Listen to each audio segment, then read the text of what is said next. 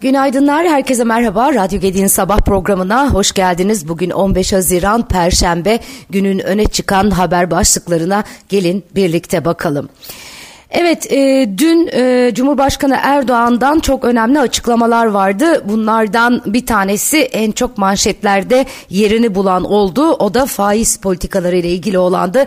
Faiz politikalarında aynıyım ama Hazine ve Maliye Bakanımızın Merkez Bankası ile atacağı adımları kabullendik diye konuştu Erdoğan. E, Cumhurbaşkanı Recep Tayyip Erdoğan, Kuzey Kıbrıs Türk Cumhuriyeti ve Azerbaycan ziyaretleri sonrasında yaptığı açıklamalarda ekonominin öncelikli gündemleri oldu olduğunu ve Hazine ve Maliye Bakanlığı ile e, ve Merkez Bankası'ndaki değişikliğin bu kapsamda yapıldığını söyledi ve şöyle devam etti. Tabi bazı arkadaşlar Cumhurbaşkanı faiz politikalarında ciddi bir değişime mi gidiyor gibi bir yanılgının içine düşmesin. Ben burada aynıyım ama Hazine ve Maliye Bakanımızın şu andaki düşüncesi noktasında biz tabii kendisine burada atacağı adımları süratle, rahatlıkla Merkez Bankası ile beraber atmasını kabullendik. Hayırlı olsun dedik ve bu şekilde de enflasyon enflasyonu tek haneye düşürmekteki kararlılığımızı da bildirdik. Bunu neye dayanarak söylüyoruz? Biliyorsunuz başkanlığım döneminde biz enflasyonu tek haneye düşürdüğümüzde faiz %4,6 idi.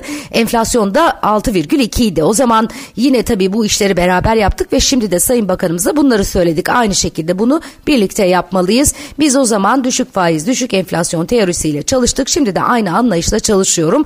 Aynı düşüncedeyim ve bu şekilde bunu başarabiliriz diye inanıyorum. Tabii Sayın Erdoğan'ın e, Mehmet Şimşek'e e, verdiği ya da yaktığı ış, e, ışık, yeşil ışık e, önce piyasalarda çok olumlu algılandı ama arkasından faizle ilgili aynı fikirdeyim e, demesi de biraz kafaları karıştırdı. E, gerçekten e, e, büyük bir belirsizlik hala devam ediyor ama e, muhtemel faiz artışının yolda olduğu Sayın Cumhurbaşkanı'nın bu açıklamalarından sonra e, bir kez daha e, gündeme e, gelmiş durumda. 22 Haziran'da e, para piyasası kurulu toplantısı. O toplantıda nasıl bir aksiyon alınacak hep birlikte göreceğiz. Bu arada piyasalar Fed'i takip ediyordu. E, Amerikan Merkez Bankası 15 ay sonra e, faizi sabit tuttu. Beklentiler e, içerisindeydi bu hamlede. E, sıkılaştırma süreci Haziran itibariyle son bulmuş oldu ABD tarafında. Fed ekonomistlerin beklentilerine paralel olarak politika faizini %5-5,25 bandında sabit tuttu. Böylelikle 15 ayın ardından Fed ilk kez faizleri sabit tutma kararı almış oldu. Fed'in karar metninde faizin sabit tutulmasının ilave bilgiler ve para politikası üzerindeki etkilerini değerlendirme olanağı verdiğine dikkat çekildi. E, enflasyonla ilgili olarak enflasyon yüksek seyretmeye devam ediyor. Komite enflasyon risklerine karşı yüksek şekilde hassas ifadeleri yer aldı. E, noktasal grafiğe yansıyan beklentiler ise önümüzdeki dönemde faiz artışlarının masada olduğuna işaret etti. Bu noktasal grafik neydi hatırlatalım. Fed guvernörlerinin, Fed başkanlarının beklentilerini e, gösteren e, bir e, nokta grafik.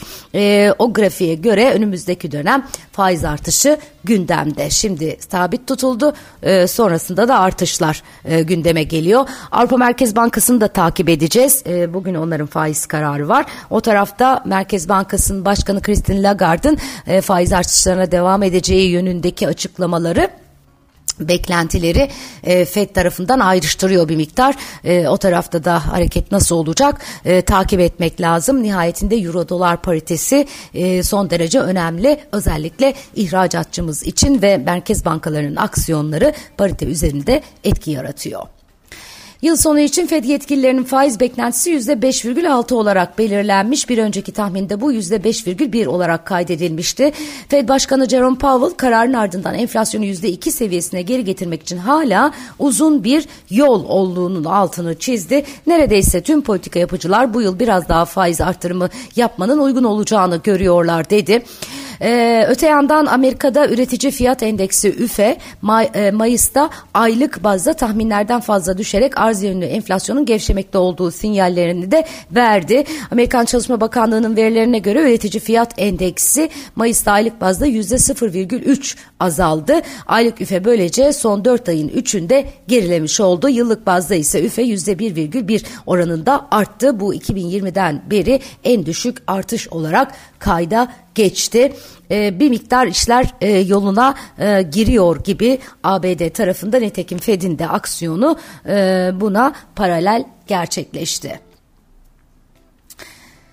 E, asgari ücrette ikinci toplantı 19 Haziran'da yapılacak. Asgari ücret tespit komisyonu asgari ücrette yapılacak ara zam oranını görüşmek üzere ikinci toplantısını 19 Haziran'da saat 10'da yapacak. Çalışma ve Sosyal Güvenlik Bakanlığı'nın ev sahipliğindeki ikinci toplantıya işçi kesimini temsilen Türk İş işveren kesimini temsilen Türkiye İşveren Sendikaları Konfederasyonu heyeti katılacak. Cumhurbaşkanı Erdoğan e, asgari ücret komisyonu görüşmelerine başladı. Görüşmeler yapıcı zeminde ilerliyor. Tüm tarafların içine sinecek hayırlı bir gelişmeyle sonuçlanacağına inanıyorum. Memur maaşlarına ilişkin adım da zaten Temmuz ayındaki görüşmelerde atılacak dedi. Bu arada Memur Sen Başkanı Ali Yalçın sosyal medya hesabından yaptığı paylaşımda taleplerini en düşük memur maaşının 22 bin liraya çıkarılarak %6 toplu sözleşme ve enflasyon farkı verilmesi olarak sıraladı.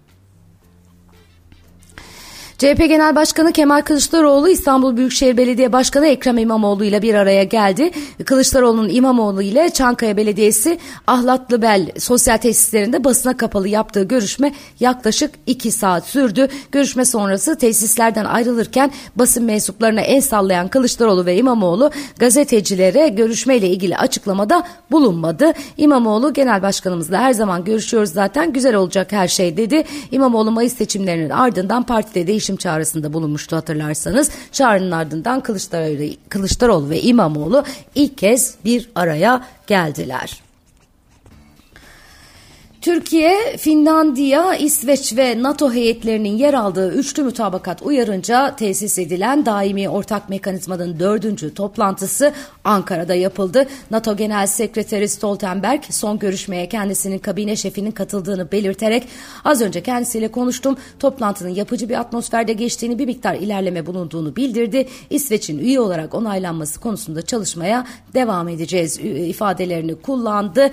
Üyelik konusunda bir takvim sunamayacağız olmayacağını vurgulayan Stoltenberg, e, İsveç e, taahhütlerini yerine getirdi, anayasayı değiştirdiler, terörle mücadele yasasını sıkılaştırdılar ve Türkiye'ye silah ihracatı kısıtlamalarını kaldırdılar.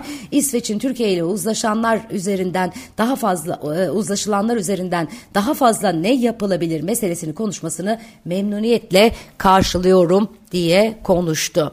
Hakikaten Türkiye bu noktada belirleyici konumda e, ve e, bu minvalde e, gelişmeler e, kaydediliyor e, İsveç'in NATO üyeliği konusunda. Avrupa Parlamentosu dünyadaki ilk yapay zeka yasasını kabul etmiş. Yeni düzenlemeyle Midjourney ve ChatGPT gibi sistemlere büyük yükümlülükler getiriliyor. Buna göre sosyal e, puanlama için yapay zekayı kullanmak kesinlikle yasaklanıyor. Ayrıca otonom araçlar ve robotik cerrahideki yapay zeka sistemleri de katı kontrol altına alınacakmış. Oylama e, e, özür diliyorum. Oylama üzerinden e, yapılan e, yasa e, yani bu yasayı oylamayla e, şey yaptılar e, sundular e, bu oylama öncesinde çeşitli tartışmalara da konu olmuştu gerçek zamanlı yüz tanıma ağır mahremiyet ihlali nedeniyle yasaklandı. Evet ilk yapay zeka yasası olarak tarihe geçti Avrupa tarafından Avrupa Parlamentosu ıı, tarafından kabul edilen bu yasa ama tabi uygulanması için başka kabuller de gerekiyor. Ee, gerçekten e, teknolojik gelişmelere yetişemiyor aslında yasal düzenlemeler baktığınızda ve çok büyük açıklar da var. Ee, zaman içerisinde bunlar üzerinde çalışmalar yoğunlaşacak gibi de e, görünüyor. Avrupa'da nüfusun %22'si yoksulluk riski altındaymış. Avrupa İstatistik Ofisi Eurostat, AB ülkelerinde 2022 yılında yoksulluk ve sosyal, sosyal dışlanma riski altında yaşayanlara ilişkin verileri yayınlamış. Verilere göre Avrupa Birliği'nde geçen yıl nüfusun %22'si yoksulluk ya da sosyal dışlanma riskiyle karşılaştı deniyor. Ekonomim gazetesi e, yeni dönemde faiz politikasının nasıl şekilleneceği dair beklentilere yönelik Erdoğan'ın mesajlarını manşete taşımış. E, Avrupa Merkez Bankası'nın faiz kararı bugün. Onlar da bu notu düşüyorlar. Biraz önce sizlere aktarmıştım. ECB'nin Avrupa Merkez Bankası'nın politika faizini %3,25'ten %3,5'a yükseltmesi bekleniyor. Lagarde'ın önümüzdeki dönemde ECB'nin durma olasılığı üzerine verebileceği mesajlar da önemli olacak. Normal normal koşullarda ABD'yi takip eder hemen arkasından Avrupa ama Avrupa'da işler ABD'deki kadar olumlu seyretmiyor. Dolayısıyla orada bir miktar daha bu süreç devam edecek ama bakalım Lagarde bundan sonrası için ABD'dekine benzer bir aksiyona ilişkin not e, verecek mi? E, bunu takip ediyor olacak.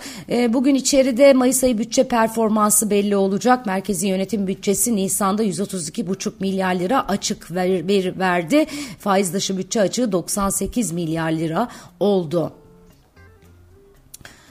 Ee, bugün Ekonomi Koordinasyon Kurulu Cumhurbaşkanı Yardımcısı Cevdet Yılmaz Başkanlığında Cumhurbaşkanlığı Külliyesi'nde e, toplanacak. Bu da bir başka takip edilecek önemli not. E, bunu da size aktarayım. Son bir haber de e, kızamıkla ilgili İstanbul'da kızamık tehdidi artıyormuş. Türkiye'deki e, kızamık vaka sayısında ciddi bir artış e, olduğunu söyleyen İstanbul Tabip Odası kentte kızamıktan dolayı iki çocuğun hayatını kaybettiğini açıkladı.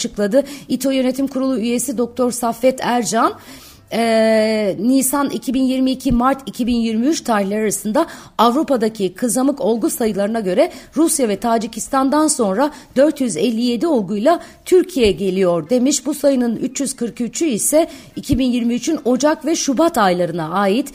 Sahada çalışan meslektaşlarımızdan aldığımız bilgilerden e, bilgilerden Mart'tan itibaren yeni hastaların olduğunu biliyoruz diyor İstanbul Tabip Odası Başkanı. Ancak Sağlık Bakanlığı'nın verilerin paylaşımında şeffaf olmayan tutumunu devam ettirmesi sebebiyle rakamlara ulaşamıyoruz diye de ekliyor. 3 milyon e, çocuğun aşı takviminin aksadığını hatırlatmış. Cerrahpaşa'da görevli Profesör Doktor Haluk Çokuraş da pandemi sonrası aşı karşıtlığında artış var. Öte yandan yurt dışından çok sayıda kontrolsüz insan ülkemize girdi diye de konuşuyor. Kızamık tarafındaki aksiyonun bunlardan kaynaklanabileceğini söylüyor. Gerçekten e, son derece sıkıntılı bir durum inşallah daha dramatik bir hal almaz. Evet sevgili dostlar bugünün notları özetle böyle güzel bir gün diliyorum herkese. Yarın sabah yine aynı saatte görüşmek üzere. Hoşçakalın.